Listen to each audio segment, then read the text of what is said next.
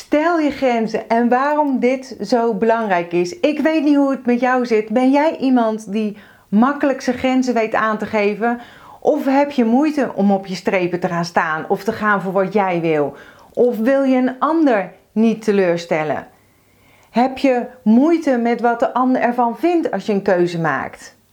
In deze videopodcast vertel ik je graag waarom het belangrijk is om je grenzen aan te geven en hoe je dat nu het beste kunt doen zonder egoïstisch, hard en of kil over te komen. Welkom bij de Just Be You podcast. Een podcast voor jou als je je mooiste leven wil leven, je mindset wil vergroten, meer magie wil creëren en je dromen doelen wil manifesteren. Ik ben je host Marion Palsgraaf van de Feel Good website justbeyou.nl, uitgever van een aantal inspirerende boeken, waaronder een bestseller en planners. Nu ook een eigen sieradenlijn, allemaal bedoeld om je eraan te herinneren om te gaan voor wat jij wil en je mooiste zelf te zijn. Deze podcast is bedoeld om je tips, tricks, tools, inspiratie en motivatie te geven om je roeping te volgen, om de mooiste versie van jezelf te worden en om een magisch, mooi, authentiek leven te creëren. Ben je klaar voor de wonderen in je leven? Laten we op reis gaan. Waarom grenzen stellen? Als iemand over jouw grenzen heen gaat, gaat dit op de eerste plaats ten koste van je goede humeur. En daarbij zorgt het voor negatieve gedachten. En wat je in een negatief gevoel houdt. Want gedachte zorgt voor een gevoel. En we gaan voor het goede gevoel. Wet van aantrekking zegt energie van gelijk niveau trekt elkaar aan. En vaak gaan we de ander verwijten maken dat eh, diegene over jouw grenzen is heen gegaan. En ook naar jezelf toe. Dat beïnvloedt weer hoe je jezelf ziet, dus jouw zelfbeeld. Maar ook hoe je over jezelf denkt, dus jouw eigen waarde. Al met al een duur grapje, zeg maar, om niet je grenzen aan te geven. Vind je niet? Maar dat is nog niet alles. Je grenzen goed of bijtijds aan kunnen geven heeft nog één belangrijk voordeel. Het zorgt er namelijk voor dat je jezelf niet verliest, maar juist dicht bij jezelf blijft. Wat zo ontzettend belangrijk is: dat je op één lijn bent met jezelf. Waarom zou je een ander niet willen teleurstellen, maar wel jezelf? Jij bent net zo belangrijk als de ander. En hoe meer en hoe vaker jij over je heen laat lopen, zeg maar, hoe verder je je bij jouw eigen normen, waarden en waarheid vandaan komt staan. En gebeurt dit vaak? Dan wordt het voor jezelf steeds minder duidelijk waar nu jouw grenzen liggen. En waarom is het nu zo ontzettend lastig om op je strepen te gaan staan of om je grenzen aan te geven? En wie kent het niet, hè? Een kind vraagt om een snoepje. Als jij aangeeft dat het antwoord nee is, kijkt hij of zij jou heel teleurgesteld aan of met die grote smekende puppyogen van of alsjeblieft wel mag. En je weet dat dit, deels onbewust, een strategie is om alsnog de zin te krijgen of om alsnog de zin door te drijven. En toch kost het je moeite om voet bij stuk te houden. Want wat maakt immers dat snoepje nou uit? Dan ben je ook meteen van het gezeur af, toch? En in grote lijnen zijn er twee hoofdredenen die je vooral voor jezelf voorhoudt, waardoor het lastiger wordt om je grens aan te geven. En dat is je grens aangeven en op je strepen gaan staan heeft geen enkele zin. Of als je je grens aangeeft, komt er alleen maar nog meer narigheid van. Waar het op neerkomt, is dat we bang zijn voor de reactie van het ander op het moment dat we ons, uh, ja, dat je je grens zeg maar kenbaar maakt. Want wat zal de ander ervan vinden? Wat zal de ander ervan denken? Hoe zal hij of zij over mij denken als ik zeg dat ik mijn grens trek? Wat zullen de consequenties zijn? Voor hetzelfde geld zit je daarna minutenlang met een jengelend kind of in een supermarkt die aan het uh, jengelen is. Weet je wel, dat wil je niet. Of wil die collega nooit meer met je samenwerken? En dan is het toch makkelijker om je grens niet aan te geven of om maar toe te geven. Weet dat het niet egoïstisch is om voor jezelf op te komen en jouw grenzen aan anderen duidelijk te maken. Sterker nog, ik denk dat het veel respectvoller is om je grenzen aan te geven dan dat je bijvoorbeeld in een gesprek met je gedachten afdwaalt om, uh, omdat het je niet meer interesseert of dat je het niet interessant vindt of dat je te weinig energie hebt of dat je met een smoesje ergens onderuit probeert te komen. Weet dat jij net zoveel waard bent als de ander. Grenzen stellen. Hoe doe je dat dan? Om je grenzen aan te kunnen geven zijn er twee dingen nodig. Je moet weten wat die grens voor jou is, de inkoppertje. En je moet weten waarom het een grens voor jou is. Het is belangrijk om te weten waarom jij ergens een grens trekt. Dan kun je die namelijk op de eerste plaats naar jezelf verantwoorden. En dit maakt het makkelijker om vervolgens weer tegen de ander te, om dat tegen de ander te zeggen. En op de tweede plaats kun je het dan de ander uitleggen. En hierdoor wordt de kans groter dat je meer begrip van de ander terugkrijgt en de situatie niet uit de hand loopt. Maar let op hè, je moet het niet doen omdat je begrip wil hebben van de ander. Want dan word je vaak teleurgesteld. Want dan heb je iets nodig van de ander, begrip. Als je je kind bijvoorbeeld kunt aangeven dat het nu geen snoepje mag, omdat jullie over 10 minuten gaan eten en anders eh, nou geen trek meer hebt, noem maar op, hè, het hele bekende riedeltje, is het een ander verhaal dan wanneer je alleen maar verbiedt. Desnoods zeg je dat hij of zij na het eten, bij wijze van een toetje, wel iets lekkers mag. En zo ben je dan toch trouw gebleven aan je eigen overtuiging. Vlak voor het eten wordt er niet gesnoept. En kan de ander hier hopelijk rekening mee houden. Ik heb nog een tip voor je. Check altijd je gevoel. Je gevoel is zo'n geweldig systeem in je lijf. Een handige manier om erachter te komen waar precies jouw grenzen liggen, is door je gevoelens te checken. Soms kom je er pas achter dat je jouw grens voorbij bent. En dat is natuurlijk niet fijn. Maar omdat je er nu alsnog bewust van bent, kun je het de volgende keer wel voor zijn. Sta je bijvoorbeeld voor een keuze en heb je geen idee welke van de twee opties de beste is, stel jezelf dan de volgende vraag. Van welke van de opties krijg ik de meeste energie? Word ik blij van? Van welke opties voel ik me het minste fijn? Of voel ik het meeste fijn? Of weet je wel? Op die manier kun je de opties gaan filteren en wegstrepen, net zolang totdat er één keuze overblijft. Een andere manier is om in gedachten te visualiseren, dus je beide keuzes te visualiseren. Stel je voor dat je gaat voor keuze A. Hoe zou dat er dan uitzien? Stel het je voor. En doe dit dan ook met de andere keuze, met keuze B. En vergelijk daarna beide opties en check wat dit met jouw gevoel doet. En voel je dat jouw innerlijke kracht toeneemt of dat het juist afneemt en je nog besluitelozer voelt, dan is dat een signaal dat de keuze voor jou niet goed voelt of niet goed doet. Ga dan terug naar de eerste optie en voel opnieuw. Sorry jongens, even kriebel in mijn keel. En de andere tip is oefenen in grenzen stellen. Vind je het lastig om je grenzen te stellen? Dan kan het helpen om de komende tijd een dagboek bij te houden.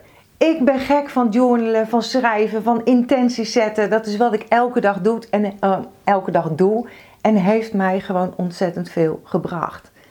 Noteer aan het einde van de dag op welk moment je graag een grens had willen stellen en hoe je dat een volgende keer zou kunnen doen of willen doen. Schrijf letterlijk op wat je op zo'n moment kan zeggen, zoals dank je voor je hulpvraag. Ik denk erover na en laat het je weten. Of noteer welke grens voor jou belangrijk is in een veel voorkomende situatie. Bijvoorbeeld in de relatie met je ouders, met je kinderen, je partner. En denk daarbij aan normen, hè? Uh, normen en waarden, zoals vrijheid, respect, saamhorigheid. Schrijf ook op als je het wel is gelukt om je grens aan te geven, hoe klein het ook was. Noteer wat de situatie was en wat je gezegd, gevraagd of gedaan hebt. En vooral wees trots op jezelf. Je kunt het thema grenzen stellen ook gebruiken als onderwerp zeg maar, om te journalen, om te schrijven. En ik heb nog een podcast en een blogbericht, ik weet even niet welk nummer gemaakt, over hoe journalen je kan helpen en helen. En ik heb ook nog een journal 21-daagse programma. En ik zal even hieronder in de beschrijving de linken zetten als je er meer over wilt lezen of uh, zeg maar de blog, podcast terug wil zien. Wat ook nog kan, is energetisch je grens stellen. Met iedereen met wie je contact hebt, maak je een energetische verbinding en wisseling, uitwisseling van energie. En door de sociale interactie vermengen jullie energieën zich automatisch ook met elkaar. Gedeeltelijk, zeg maar. En dit gebeurt al tijdens een kort gesprek dat je hebt met een medewerker van de supermarkt, aan wie je vraagt waar de wattenstaafjes liggen. Maar ook tijdens een telefoongesprek met een vriend, vriendin of gewoon een vreemde. En zelfs wanneer je sterk aan iemand denkt, gaat er energie van jou naar de ander. En omgekeerd ook. Hè? Heel vaak denk je aan iemand en dan zie je hem net of dan eh, belt hij net. Als de ander negatieve gedachten over jou heeft, denk aan jaloezie, wrok, verdriet, noem maar op. Hè? Kun je dat, zou je dat kunnen merken aan je eigen energielevel? Want je batterij loopt gewoon sneller leeg. En dat gebeurt ook als jij er niet direct bewust van bent, hè? want je bent niet overal bewust van. Over het algemeen regelt je lichaam het prima zelf om de energetische lijnen weer los te laten. Maar soms kan een gesprek of een persoon in je hoofd blijven zitten, uh, een verhaal blijven maken, zeg maar. En kan het je helpen om koorden door te knippen. En even een opmerking: het hoeft natuurlijk niet zo te zijn hè, dat iemand negatief over jou denkt op het moment dat jij ineens moe voelt. Want je moe voelen kan nog zoveel andere oorzaken hebben. Trek dus niet te snelle conclusies, maar voel bij jezelf. Voel bij jezelf of het misschien komt doordat je met iets of iemand in je hoofd bent blijven zitten of met een gevoel bent blijven zitten. En wanneer je je onzeker voelt, niet zo lekker in je vel zit, ben je gewoon gevoeliger voor de energieuitwisseling tussen jou en anderen. Daarvoor zeg ik ook altijd: het is zo belangrijk om je goed te voelen. Maar gelukkig kun je jezelf hierin beschermen, energetisch. Bijvoorbeeld met een hele eenvoudige visualisatieoefening. Denk s'avonds voor het slapen gaan eens aan iemand met wie je die dag contact hebt gehad. Beeld je in dat er tussen jullie twee een energetische koord stroomt.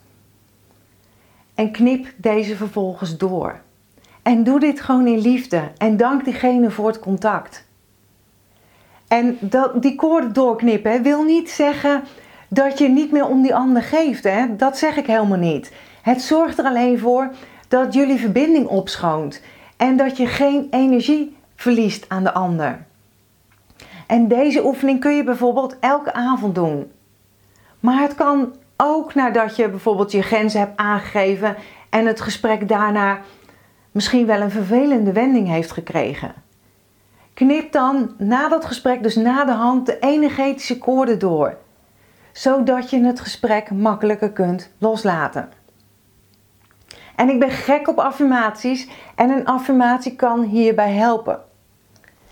Terwijl je energetische koorden denkbeeldig doorknipt, dus of je een lintje doorknipt, zeg maar, zeg je een, een mantra, een affirmatie op die je kracht geeft.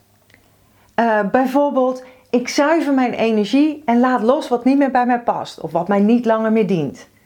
Ik zuiver mijn energieveld en laat, mijn, en laat mijn batterij weer op met positieve energie.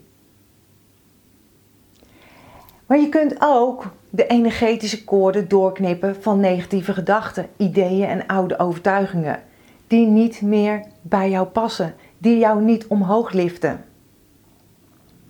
Dus houd gewoon een lekkere schoonmaakbeurt in jezelf door ze één voor één denkbeeldig door te knippen. En wanneer je jouw oude overtuigingen en gedachten die je ooit van anderen hebt overgenomen, bewust loslaat, zal je merken dat het enorm oplucht en dat het je zelfs energie geeft. En ik ben heel erg benieuwd naar je reactie. Hè? Laat die gerust hieronder achter of laat het me weten. En grenzen stellen heeft ook een lange termijn effect.